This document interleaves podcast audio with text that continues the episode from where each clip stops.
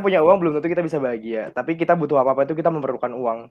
Ya intinya kayak gitu. Jadi ya dibalik lagi gitu. Pasti ujung-ujungnya itu uang. Tapi menurutku sebenarnya kesejahteraan tuh nggak nggak mutlak dari uang. Bisa aja karena kebahagiaan dia hidup bahagia bersama keluarganya segala macam cuman ya itu. Tapi kan mereka buat membahagiakan tuh pasti membutuhkan sesuatu.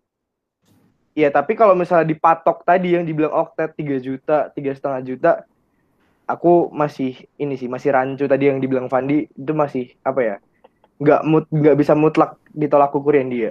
Jadi harus uh, ada istilah dari setnya lah kalau mau naik pun. Tapi mungkin tadi yang dikatakan Oktet tadi udah mereka udah melakukan riset ya dari aliansi buruh Yogyakarta itu. Gitu sih.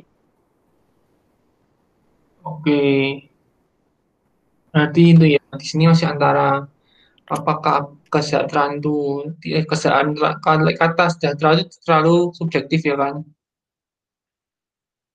Hmm. nah kalau begitu berarti kita membahas terus gimana apakah dengan OMR akan sejahtera. Nah untuk kesejahteraan buruh sendiri itu tanggung jawab siapa sih di Indonesia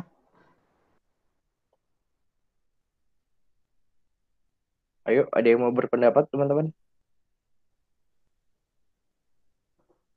Atau masih mau menanggapi topik yang tadi juga nggak apa-apa. Iya. Oh, benar, benar. Aku izin masuk bentar. Tentang yang okay. kesejahteraan buruh tadi ya. Uh, kalau yang pendapat teman-teman itu juga aku setuju sama teman-teman yang lain. Terus juga pemberian upah yang layak. Kan itu uh, faktor utama ya bagi buruh dalam membantu uh, mewujudkan kesejahteraan tersebut gitu. Nah, tapi tuh di sini uh, yang aku baca pihak buruh itu tiap tahunnya mengharapkan kenaikan besaran upah minimum uh, buat meningkatkan produk produktivitas dan meningkatkan kesejahteraan buruh tersebut. Jadi itu menurutku kalau dia tiap tahunnya masih pengen naik-naik terus dan juga dibarengi dengan uh, kenaikan kebutuhan kita masing-masing itu juga sama aja kayak gimana ya? Kita emang hidup sesuai zaman terus juga apa yang kita dapat itu nanti keluarnya buat apa yang kita butuh. Jadinya uh, meskipun naik itu ya dia tetap skalanya tetap tetap, aja segitu gitu loh. Dan menurutku emang belum sejahtera banget dan itu uh, masuk lagi lanjut ke topik yang kedua Ya, yang pertama tetap dari pengusahanya sendiri sih kan pasti ada pengusaha yang menggaji buruh tersebut ya. Nah itu tanggung jawab pertama dari pengusaha tersebut. Soalnya dia yang menen, apa ya, yang memberikan upah yang layak buat buruh untuk kesejahteraannya gitu. Terus baru ntar diatur sama peraturan pemerintah. Kalau dari aku gitu sih.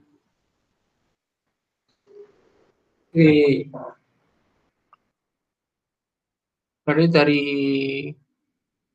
arah sendiri yang itu tadi. Ya kalau kenaikan tuh para kalau kenaikan tuh pasti karena diikuti dengan kenaikan istilahnya apa ya kebutuhan sehari-hari mungkin bahan pakan juga terlalu naik. Nah, jadi kalau gaji dinaikkan tetap sama aja tidak ada istilahnya tidak ada uang lebih lah gitu. Uh, untuk yang kedua Tifara menyampaikan bahwa itu tanggung jawabnya dari pengusaha dibarengi dengan kebijakan pemerintah. Mungkin yang lain mau berpendapat?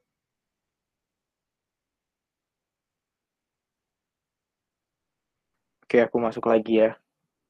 Uh, tadi aku pengen menanggapi yang ini sih pendapatnya Farah tadi ya tentang ketika misalnya memang apa uh, upahnya dinaikkan berarti kan kebutuhan dia apa ya istilahnya karena kebutuhan tuh nggak mungkin stabil. Jadi ketika misalnya upah dinaikkan pun itu kayak menyetarakan. Nah ini nyatanya faktanya kayak ya pada kenyataannya pun gaji nggak dinaikin tapi kebutuhan naik. Jadi ya nggak mungkin lah sejahtera gimana caranya nyimbangin kalau misalnya gaji nggak naik. Jadi ya itu tadi nggak sejahtera buruh di Indonesia tuh banyak ini sih koruptor eh jangan sampai hilang deh ya tracking terus ya aku ya hati-hati yuk hati-hati nyalain Zenly-nya yo. Iya iya iya, jadi aku nyalain ya. Benar benar benar. Iya mas, tadi kan aku bilang kalau dia tuh buruh tiap tahun tuh minta buat dinaikin. Iya Dan kan? kalau nyata belum dinaikin kan emang berarti kesejahteraannya kurang banget gitu loh. Iya kan berarti nggak apalagi- seimbang kan? Agak seimbang gitu. Udah gaji nggak dinaikin, tapi kebutuhan hidupnya naik terus. Iya. Gaji yang di atas naik mulu. Iya. Cuk, sumpah, cuk, aku merasa gak aman, cuk, ini. Alam ya, alam? Santai toh. dilindungi semuanya. Mas Iya. Lindung. Nggak bisa kena UITE kok ada namanya soalnya. Waduh. Iya, iya, iya. Rumahku, rumahku di depan Kids Fun ya. Rumahku di depan Kids Fun, tolong. Ngarang yuk.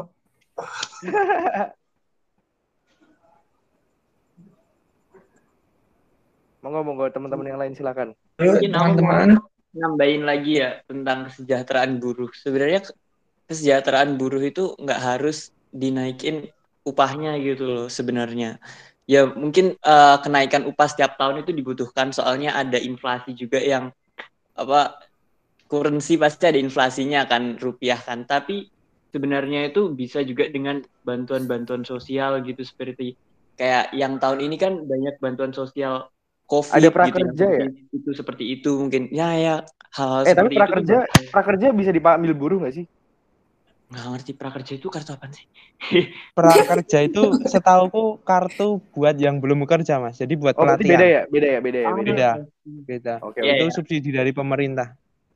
Oh, oke, I see, I see. Iya, jadinya tuh ke, em, kalau misalnya orang yang misalnya gajinya di bawah 3 juta gitu di Jogja, itu bisa dapat subsidi dari pemerintah gitu. Nggak tahu itu duit atau mungkin itu ada beras miskin atau sembako sembako yang la- yang lainnya itu bakal banget membantu membantu banget gitu loh.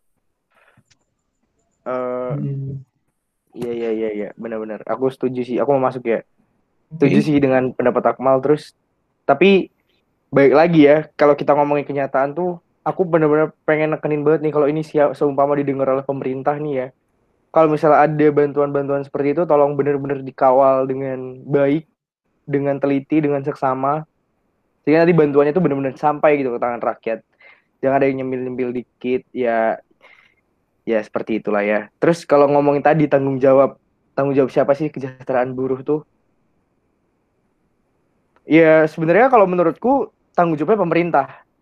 Karena gimana ya? Kalau ngomongin perusahaan, perusahaan tuh taat sama aturan-aturan dibuat oleh pemerintah.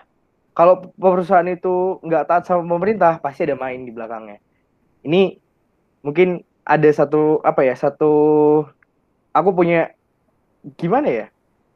Ya pokoknya itulah. Aku pernah diceritain sama salah satu aku nggak mau nyebut nama ya. Pokoknya ada satu orang dia cerita bahwa pemerintah tuh bukan pemerintah sih aku nggak ngomong. Aduh, salah mulu anjing. Gue kering bangsat. Akpol. Nggak apa-apa. Nanti ditang- Di- Ditarik kalian yuk. Ini Kalau anjingnya dihilangin semua kan ya? Gak apa-apa sebenarnya kalau kalian berani. Kenapa tuh emang? Gak apa-apa. Eh dari ngomong pemerintah pemerintah mulu. Soalnya gini, nih aku balik lagi ya. Eh, aku pernah diceritain satu. Tadi kan aku bilang kalau misalnya kalau misalnya perusahaan tuh nggak taat sama pemerintah, berarti dia ada main. Soalnya aku pernah diceritain sama salah satu orang, ya itu mereka main. Kalau misalnya mereka nggak main, mereka bakal eh, membayar semua. Dan ya perusahaan kan pasti jadi untung gitu loh. Aku nggak menyebutkan perusahaan mana dan pemerintah mana ya, tolong aman. Gitu sih. Iya Jadi bener, Kalau- itu tadi aku bilang makanya tanggung jawabnya itu ya dipegang pemerintah sebenarnya kalau misalnya pemerintahnya eh, bekerja dengan maksimal kesejahteraannya pun akan terjamin. Mungkin gini ya, kalau tadi ngomong 1,9 2 juta di Jogja mungkin itu ada pertimbangan sendiri dari pemerintah yang kita nggak tahu. Mungkin itu bisa dianggap sejahtera kalau misalnya memang 1,9 dan bantuan-bantuan lainnya tersampai dengan tersampaikan dengan baik. Berarti kalau kita ngomongin nggak sejahtera berarti ada yang salah, ya nggak sih? Aku nggak ngomong aku itu setuju. salah apa. Mas Tio setuju sih. Sebenarnya itu eh, kita hidup di negara ini itu sebenarnya sudah dijamin juga ya mas di undang-undang. Betul, juga. betul, betul. Jadi itu sebenarnya kita hidup di sini tuh sebisa mu eh sebisa mungkin. Itu sebenarnya iya. Kalau nggak ada yang salah tadi antara di alur eh, di mekanisme atau di mananya pasti ya kita akan hidup dengan damai tentram sejahtera pastinya gitu. Karena tadi udah di juga mungkin ada yang ada yang salah makanya itu ngerasa kita belum sejahtera gitu. Aku nangkapnya gitu sih tadi pertanyaan Mas Tio. Benar-benar. Ya secara singkatnya seperti itu aman sekali kamu Fandi ngomongnya harus milih kata-kata betul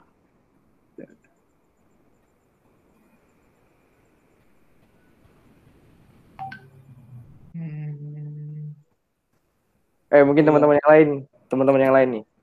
Yuk teman-teman yang lain bisa atau mungkin mau berpendapat. Kalau ngajuin pertanyaan gimana? Boleh, silahkan. boleh. Kalau kamu mau oh. mendiskusikan silahkan. Oke. Ini kan yang kemarin sudah di-share sama apa Crispo latar belakang ini kan besok hari Sabtu kan ya 1 Mei itu kan ada hmm. buruh apa hari buruh internasional. Nah, itu buruh buruh Indonesia itu kan menuntut dua hal yaitu uh, uji kelayakan Undang-Undang Nomor 11 tentang Cipta Kerja itu sama hmm. pengembalian apa itu namanya upah minimum sektoral. Nah, UMSK hmm. kalau nggak salah. Itu nah, hmm. nah, menurut teman-teman uh, menurut pribadi teman-teman lah yang kita aku nggak mau bahas yang apa uji kelayakan undang-undang nomor 11 Cipta Kerja itu karena banyak banget. Kita bahas yang ini yang satu tuntutan buruh yang besok akan disuarakan itu kan menuntut uh, upah minimal sektoral kabupaten kota itu diadakan lagi eh di ditetapkan lagi karena karena sebelumnya itu ada tapi karena akibat ada undang-undang baru ini tentang apa cipta kerja ini nah itu dihapuskan jadi nggak ada upah minimal sektoral uh, kabupaten, kabupaten kota. dan kota. Uh. Hmm. Menurut teman-teman gimana? Udah tepatkah atau memang itu harus diperjuangkan atau gimana, teman-teman? Aku ya coba masuk ya. Mm-hmm. Kalau dari aku, bentar, bentar. Ini kalau dari aku tuh kalau si tadi apa sih UMSK ya? Kalau UMSK-nya nanti dihilangin tuh uh, nanti kan da semua daerahnya tuh bakal ngikutin aturan upah minimum provinsi nggak sih atau UMP-nya gitu. Padahal kan tiap kabupaten atau kota tuh punya sistem gaji apa sistem gajinya tuh beda-beda. Jadi kalau menurutku ya perlu diperjuangin sih. Tapi untuk poin yang pertama tadi tuh aku bacanya itu dia bukan apa sih namanya? Kamu tadi bilang apa sih, Van? Yang pertama yang UU Cipta Kerja. Uji dia, kelayakan. Nah, uji kelayakan. Tapi yang dari aku baca justru itu malah ini mau nuntut biar dibatalin. Tapi nggak tahu juga sih. Tapi kalau balik ke poin kedua tadi, menurutku emang harus diperjuangin karena alasanku tadi gitu. Gimana teman-teman yang lain? Aku mau masuk. Oke.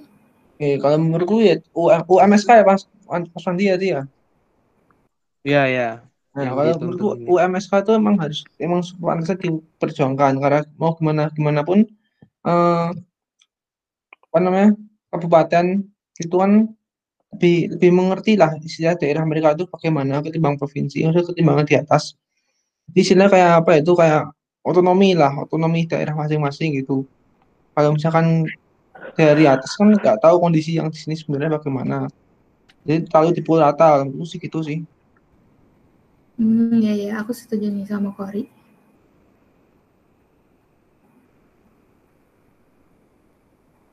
Ayo, yang lain dulu, yang lain dulu yuk.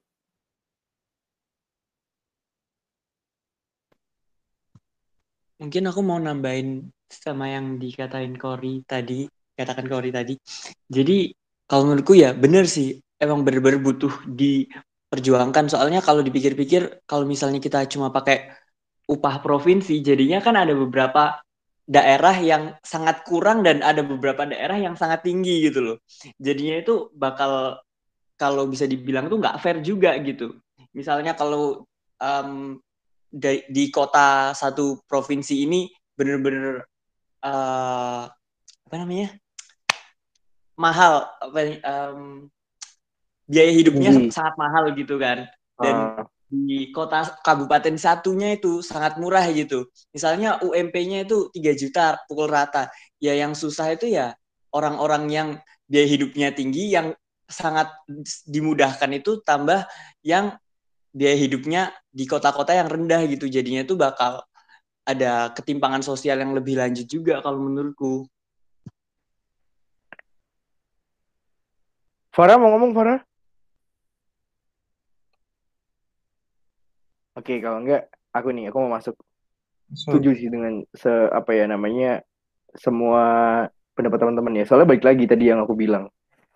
Eh itu tuh emang ya itu tadi namanya apalagi upah. Upah itu istilahnya kayak eh timbal balik ya. Apa ya? Feedback yang diberikan setelah dia melakukan sesuatu. Nah, itu harus sesuai dengan apa yang mereka butuhkan dan apa yang telah mereka kerjakan. Nah, kalau misalnya tadi yang Om Akmal bilang kayak gitu, jadi ya harus benar-benar ditinjau lagi. Ketika misalnya kita ngomongin kota A dengan biaya hidup misalnya sebulan segini, kota B segitu, dipukul rata semuanya. Kita bilang satu juta deh, satu juta. Sedangkan biaya di kota A itu harus sebulan tuh harus satu setengah juta, yang di kota B oke cukuplah sejuta kan jadi timpang tindih gitu loh. Jadi nggak imbang, nggak fair lah kalau kita bilang.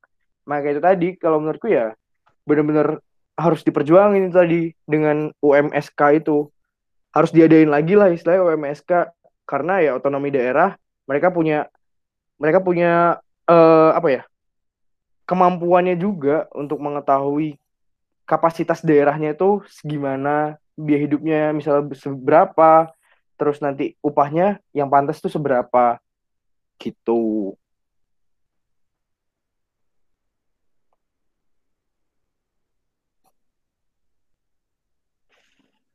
Aku mau masuk ya, teman-teman. silakan Hmm. silakan di pendapatmu gimana di Uh, mu- mungkin mungkin aku ya mungkin dibilang pandangan beda atau gimana ya nggak tahu atau nanti mungkin teman-teman kira aku uh, pihak mana atau gimana aku juga nggak tahu. Kalau menurut pandanganku sendiri, pokoknya gini, uh, kenapa kok uh, UMSK itu sektoral itu dihapuskan? Mungkin aku baca-baca dari beberapa artikel itu sama juga uh, sumber-sumber itu itu itu karena menurut pemerintah dengan adanya penyertaraan penyertaraan itu nanti daerah-daerah yang ibaratnya tertinggal dengan upah yang tinggi pastinya akan meningkatkan produktivitasnya. Hmm. Nah mungkin itu apa namanya uh, pandangan pemerintah ya. Kenapa kok pemerintah ngeluarin suatu kebijakan itu pasti ada alasan dan sebab. Nah itu Betul. kita analisa. dulu. Nah tapi terus sebelumnya kan udah UMSK sektoral itu udah ada. UMSK yang di sini tuh sektoral yang dimaksud nih eh, misal ada perusahaan eh ada pekerja di sektor otomotif dan pertambangan misal gajinya misal itu 6 juta. Terus ada upah apa UMSK yang di sektor cuma eh, pabrik kain atau pabrik baju itu gajinya 4 juta. Nah, itu kan itu kan mungkin dulu dulu awalnya pas kebijakan itu berjalan itu eh, buruh juga tidak merasa adil.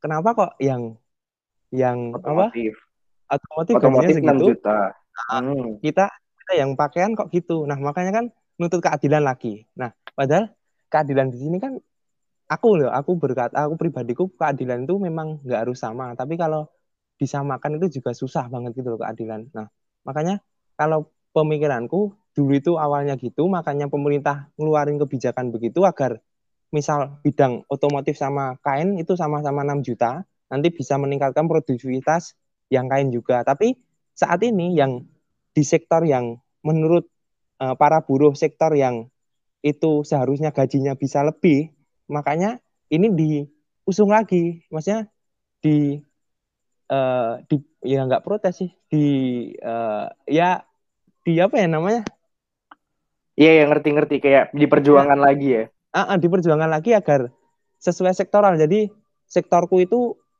eh, keuntungannya lebih besar. Masuk gajiku sama dengan yang sektor hanya kayak gitu gitu loh. Nah makanya itu balik lagi wah kayak gitu nggak adil lagi besok ada masalah lagi nuntut adil lagi nah menurutku itu muter-muter terus kalau permasalahan yang apa uang minimal sektoral itu kalau aku gitu sih pandanganku Oke, aku mau Hmm. masuk lagi ya. Iya sebenarnya Oke. bener sih, bener sih kata Fandi. Eh adanya UMSK itu malah sebenarnya kalau misalnya dilihat dari kasusnya kayak gini tuh malah bikin jadi suatu problem juga gitu loh. Eh tapi kalau misalnya tuh nggak diadain itu juga jadi suatu masalah. Jadi apa ya? Eh apa namanya? Tapi yang menurutku, ini kalau men- menurutku yang optimal tuh memang harus ada. Dan nanti harus diimbangi juga dengan namanya pemahaman masing-masing individu. Baik, balik lagi nih kita ke buruhnya nih. Dari tadi kita ngomong pemerintah, pemerintah. Dari buruhnya sendiri pun harus memahami kapasitasnya itu seperti apa. Istilahnya kalau aku bilang kapasitas tuh tingkat kesulitan gitu ya. Tingkat kesulitan, tingkat effort yang dikeluarkan itu seperti apa, maka itu menurutku yang lebih optimal tuh ketika memang ada UMSK. Jadi kayak istilahnya seimbang, kayak istilah gini. Kamu punya adik, uang jajanmu disamaratakan sama adikmu. Hmm. Kamu sebagai kakak pasti kamu nggak nggak terima dong kayak loh, adikku tuh masih ini loh. Adikku, mm, adikku tuh istilah gimana ya? berlebihan gitu loh. Aku kurang. Kalau misal aku dinaikin adikku diturunin kan masih bisa lebih adil. Aku jadi penuh kebutuhanku terpenuhi, kebutuhan dia juga terpenuhi. Istilah kayak gitu. Kalau menurutku. Jadi eh, balik lagi itu harus terus diimbangi juga ketika ada UMSK diterapkan. Pemahaman dari buruh-buruhnya ini pun juga harus eh, mengerti gitu loh kapasitasnya seperti apa. Dan kali ketika misalnya dibicarakan ini tentang berarti itu sampai diperjuangkan oleh buruh berarti balik lagi ada yang salah lagi. Bisa aja effort yang mereka udah keluarkan segitu tapi yang dari atasnya tidak menurunkan seharusnya. Ya nggak aman lagi. Aman kamu Tio. Benar-benar namaku Athanasius Bramantio kalau mau cari Bener, silakan. jangan deh, jangan ya Allah. kompleks sih mas kayak gitu. Kalau aku masalah apa nuntut upah buruh ini. Di mana pemerintah udah kayak gitu.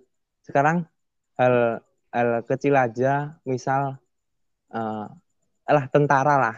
Tentara PNS ASN itulah. ASN itu gaji berdasarkan golongan kan? Hmm, golongan. halo di yang daerah yang dianu nah kadang-kadang kan itu harus membutuhkan effort yang lebih.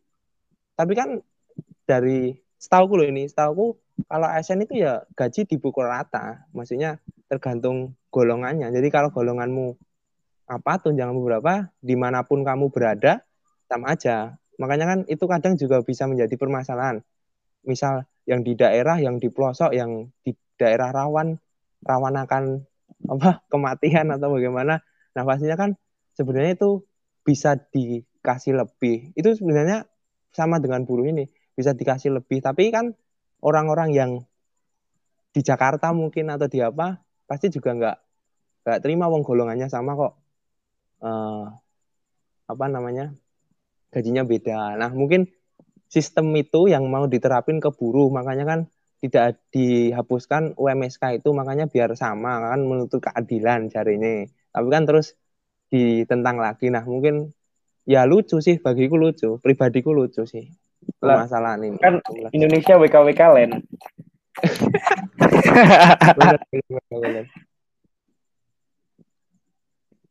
eh aku Iya live ya abis ini ya serem anjing Ya, tadi kan kayaknya ini kita tadi bahas masalah UMR kepala gaji lah kan eh, bisa-bisa. Namun tanya sih sederhana pertanyaannya. Apakah penambahan cuti bersama itu akan berpengaruh pada kesejahteraan buruh? Aku langsung mau ngomong.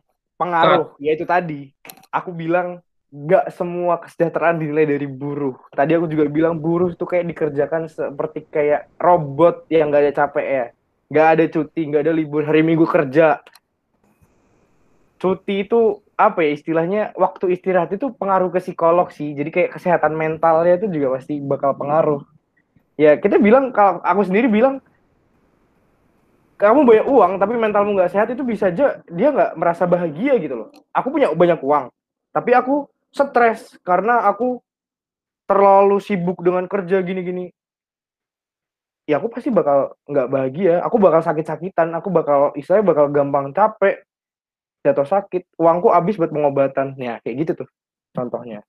Jadi kalau dibilang cuti menambah kesejahteraan sangat sangat Oke, oke. Mungkin yang lain ada yang perlu tahu lagi. Aku masuk, aku mungkin masuk ya. Yuk. Uh, kalau kalau Mas Tio tadi mungkin bilang apa tadi? Sangat-sangat ber... sangat-sangat membantu, sangat-sangat pengaruh itu buat meningkatkan kesejahteraan. Hmm, kalau menurutku ya, mungkin pikiran aku pribadi ya mungkin. Kalau ini hal tadi kan pem, penambahan cuti kan? Iya. Oh, penambahan cuti. Menurutku uh, kebijakan penambahan cuti uh, untuk buruh, terutama yang ini kita bahas, itu sebenarnya ya harus dipikirkan lebih lebih baik lagi sih, lebih matang lagi. Kita kita harus lihat uh, urgensinya, urgensinya bagaimana uh, emang apakah benar buruh itu kerja satu bulan penuh atau gimana nggak ada istirahatnya DLL berapa jam DLL kan sebenarnya itu udah diatur. Nah hari libur pun itu pasti juga udah diatur. Setiap kebijakan pasti udah ngatur itu. Nah se uh, aku sebenarnya juga setuju sama Mas Dio tadi. Emang kesejahteraan nggak bisa diukur dari kamu banyak uang, kamu harus juga bisa merasakan uh, bersyukurlah menikmati kehidupan ini nah. Nah, itu kan yang dimaksudkan tadi. Nah, tetapi di aku sendiri pendapat pribadi di Indonesia ini kan orangnya itu majemuk sangat beragam. Nah, makanya kenapa kok cutinya cuma dikit bila kita berkaca dengan negara lain lah negara lain mungkin bisa kerja lima hari aja, dua hari cuti, atau mungkin empat hari aja, tiga hari cuti. Aku pernah baca itu di negara-negara maju kayak gitu.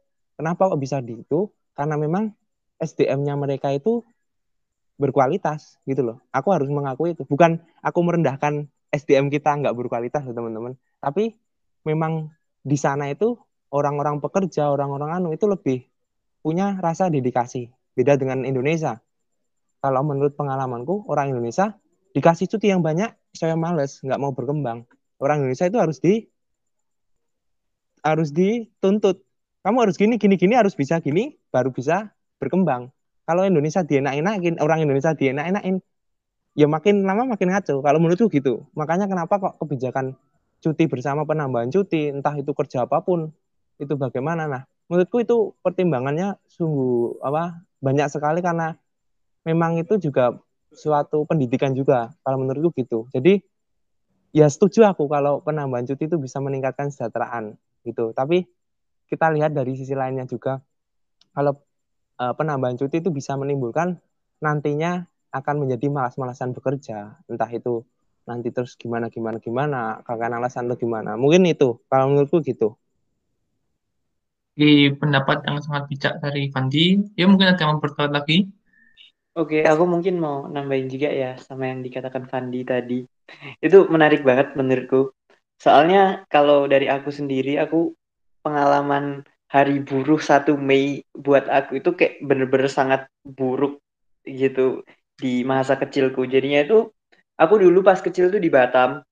Jadi setiap 1 Mei itu pasti ada demo, demonya tuh bener-bener besar-besaran gitu. Sampai yang pernah di depan rumahku itu ada mobil polisi kebalik kebakar gitu loh pas masa demonstrasi gitu. Dan kalau aku pikir-pikir juga sebenarnya demonstrasinya itu sangat tidak diperlukan gitu misalnya. Kenapa gitu? Mereka tuh kadang-kadang kalau misalnya kita berbicara tentang produktivitas gitu kadang-kadang ya pas kerja itu males-malesan gitu gimana gitu. Tapi selalu setiap tahun itu menuntut gaji buat naik terus naik terus. Um, jadinya itu mungkin bisa sangat membebani juga buat perusahaan-perusahaan gitu kan. Jadinya itu um, balik lagi ke masalah cuti tadi itu ya menurutku sebenarnya itu harus dikaji lebih dahulu juga ya. Terutama cuti di Indonesia atau hari libur nasional di Indonesia itu udah banyak banget gitu. Kita agama yang diakui oleh negara itu ada lima ya. Dan itu setiap agama tuh punya hari libur satu dua gitu. Kalau misalnya liburnya hari Kamis Jumatnya mesti ada cuti bersama. Kalau menurutku sebenarnya bahkan tidak usah gitu loh sebenarnya masalah kenaikan cuti untuk para buruh gitu bahkan kalau mungkin agak ekstrimnya ya. Kalau menurut kalian gimana? Yuk ada yang berpendapat lagi? Berpendapat aja guys, kita berbeda nggak apa-apa kan kita diskusi di sini. Aku mau masuk lagi. Uh, sebenarnya bener sih uh, dari yang dikatakan tadi oleh Fandi sama Akmal tuh semua tuh harus berimbang. Jadi nggak melulu menuntut tentang kenaikan gaji segala macam. Tapi itu juga harus diimbangi dengan produktivitas kinerjanya. Bisa jadi pemerintah yang dari tadi aku ngomongin kita ngomongin tentang fakta 1,9 juta di Sleman itu memang nyatanya kualitas kerjanya tuh tidak pantas ketika uh, dinaikkan menjadi 2,5 misalnya bisa jadi. Mungkin ada yang mungkin ada yang seperti itu cuman mungkin tidak semua. Nah uh, benar kata Akmal memang harus dikaji benar-benar dan itu tadi harus diimbangi pemahamannya kinerjanya produktivitasnya itu benar-benar harus diimbangi juga. Jadi biar istilahnya podo-podo penae lah. Menukui itu sih. Oke, jadi kan nanti intinya masalah masalah UMR yang ini tidak semata-mata kesejahteraan buruh itu dari masalah UMR, masalah gaji. Terus bila bisa dilihat dari masalah untuk masa cuti itu kan perlu dikaji lagi. Jadi tidak bisa semata-mata langsung dibeli cuti. Oke. Mungkin bisa langsung aja teman-teman untuk harapan-harapan kepada buruh di Indonesia. Bagaimana ke depannya Yuk, silahkan pendapat harapannya. Satu-satu mungkin ya. Kalau ini harapan secara personal satu-satu mungkin. Ya teman-teman dulu deh. Aku nantian aja. Yuk, mungkin Okta, eh Okta. Apa ya kalau dari aku tuh kayak denger apa namanya pendapat dari kalian Ya sebenarnya untuk harapanku buat di Indonesia harus apa ya? Walaupun eh kita kan apa sih namanya? Uh, semua kebijakan kan diatur oleh pemerintah ya mungkin. Emang da, mungkin uh, point of point of view dari buruhnya sendiri itu kayak harus diapain lah gini segala macam. Tapi kita juga harus ngerti kenapa uh, peraturan tersebut itu akhirnya dipakai gitu loh di di Indonesia diterapkan di Indonesia tuh pas aku setuju sama Fandi karena ada suatu alasan. Jadi kayak kita nggak bisa uh, apa namanya menilai dari satu sisi aja dari point of view dari buruh aja. Tapi dari pemerintah sebenarnya tuh nggak apa ya, pemerintah tuh nggak melulu negatif gitu loh. Pasti ada sisi positifnya karena kan yang ngurusin urusan negara itu kan mereka juga tahu gitu loh plus dan minusnya kalau dari aku gitu sih. Oke, mantap sekali. Semoga terwujudkan. Berikutnya ya saya mau berkomentar lagi menambahkan harapannya. Oke aku ya uh, sebenarnya gini dari tadi aku udah ngomong uh, masalah kesejahteraan tuh nggak cuma dilihat dari satu sisi ada banyak sisi ya. Nah harapanku sendiri mungkin ini kan ini kayak dari tadi kita mendebatkan antara dua pihak ya antara buruh dan pemerintah buruh pemerintah. Kalau harapanku ya itu tadi pemerintah bisa membuka mata lebar-lebar melihat secara jeli gimana kesejahteraan buruh itu seperti apa. Jadi kayak bisa me, mungkin bisa menaikkan gaji atau memberikan apa pun yang bisa menaikkan kesejahteraannya. Kalau dari sisi buruhnya ya itu tadi tingkatkanlah kerja kalian eh, apa ya harus ya istilahnya jangan cuma menuntut gaji tinggi tapi tidak dibarengi dengan kualitas kualitas kerja yang tidak sesuai. Jadi ya memang benar-benar harus seimbang lah. Jangan gajinya gede tapi dia nggak apa-apain dah. Gitu aja sih harapanku. Oke yang lain mungkin?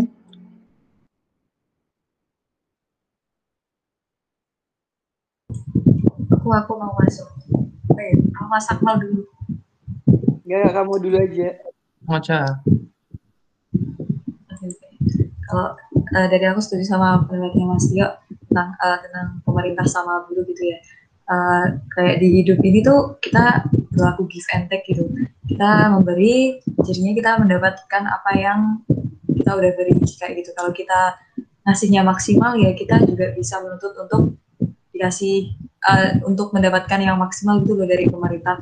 Terus juga kesejahteraan buruh itu bukan hanya buruhnya saja, tapi juga di keluarganya.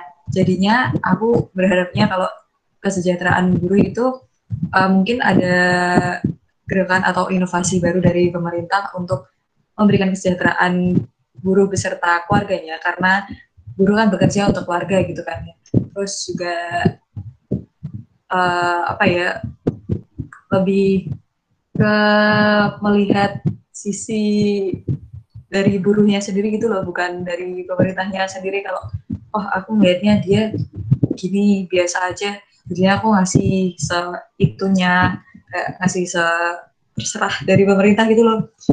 Dan di sini tuh lebih ke ditekanin buat saling berlaku adil terus juga jujur. Pertama SDM di Indonesia perlu diperbaiki lagi gitu. Oke, mungkin Mas Akmal nanti mau berpendapat. Oke, mungkin aku setuju dari teman-teman tadi yang udah memberikan kesimpulannya. Kalau bisa itu dari pihak buruh dan pihak pemerintah itu bakal bisa lebih harmonis dan saling mengerti atas kebutuhan mereka masing-masing seperti itu. Dan mungkin uh, untuk pemerintah lebih itu kalau bisa yang seperti dikatakan Tio tadi jangan korupsi seperti itu. Jadinya tuh um, kalau misalnya mau memberikan bansos ya jangan diambil sepuluh ribu gitu dari bansos lima ratus ribunya gitu. Kalau misalnya hal itu tercapai, kalau menurutku sendiri kesejahteraan buruh di Indonesia bakal uh, sangat bagus sih. Kalau dari aku gitu aja. Oke, okay. Fandi mungkin mau berpendapat? Oke, okay. aku uh, mau menyampaikan harapanku uh, di momen Hari Buruh ini ya untuk para buruh khususnya di Indonesia. Nah, mungkin harapanku uh, tidak jauh berbeda dengan teman-teman sekalian. Harapan kita tentunya akan apa namanya berharap baik uh, baik untuk kesejahteraan buruh, baik juga untuk semuanya. Masih di sini pemerintah kita, masyarakat pokoknya baik itu uh, yang harapan kita, harapan kita ke depan baik. Nah, harapanku terkhusus untuk buruh yaitu semoga uh, di momen-momen uh, setiap tahun kan pasti di uh, ada momen Hari Buruh ini. Nah, itu bagaimana kita juga uh, me, mengawasi atau kita juga me, apa ya namanya itulah pokoknya kebijakan-kebijakan pemerintah yang kurang sesuai dengan apa yang kita mau juga apa yang kita dapatkan. Nah, selain, itu kita juga hari buruh ini juga dijadikan momen untuk kita uh, saya mewakili mungkin saya tidak mewakili para buruh mungkin uh, mereka para buruh bisa mengupgrade mengembangkan diri juga. Jadi bukan hanya demo mungkin bisa um, pelatihan dibentuk suatu kegiatan yang baik-baik juga. Nah nantinya kan itu akan berjalan dengan baik. Nah terus harapanku juga oknum-oknum ya aku nggak nggak nyebutin siapa atau AB tapi oknum-oknum di dalamnya itu juga harus dibenahi. Entah itu di pemerintah entah itu di perusahaan swasta entah itu di perusahaan negara entah itu di burunya sendiri. Nah itu masing-masing harus uh, memperbaiki diri. Kalau kalau menurutku simpel aja kalau semuanya itu tersinergi dengan baik dan mereka melakukan sesuai dengan mekanisme yang ada, pastinya kesejahteraan itu akan tumbuh dengan sendirinya. Jadi semangat aja untuk semuanya. Gitu, teman-teman. Terima kasih. Oke, pendapat yang sangat mantap-mantap dari teman-teman yang hadir di sini. Nah, itu kita sudahi saja asuh kata kali ini. Harapanku semoga apa perbincangan kita kali ini bisa menambah wawasan dari para pendengar tentang Hari Buruh, tentang buruh-buruh di Indonesia. Ya, mungkin juga mengucap Astro mengucapkan terima kasih kepada Kasrat karena telah meluangkan waktunya untuk hadir dalam acara Asu kali ini. Berikutnya, terima kasih para pendengar juga telah mendengarkan dengan setia. Sampai jumpa di Asu berikutnya. Panjang umur hal-hal baik. Selamat Hari Guru 2021.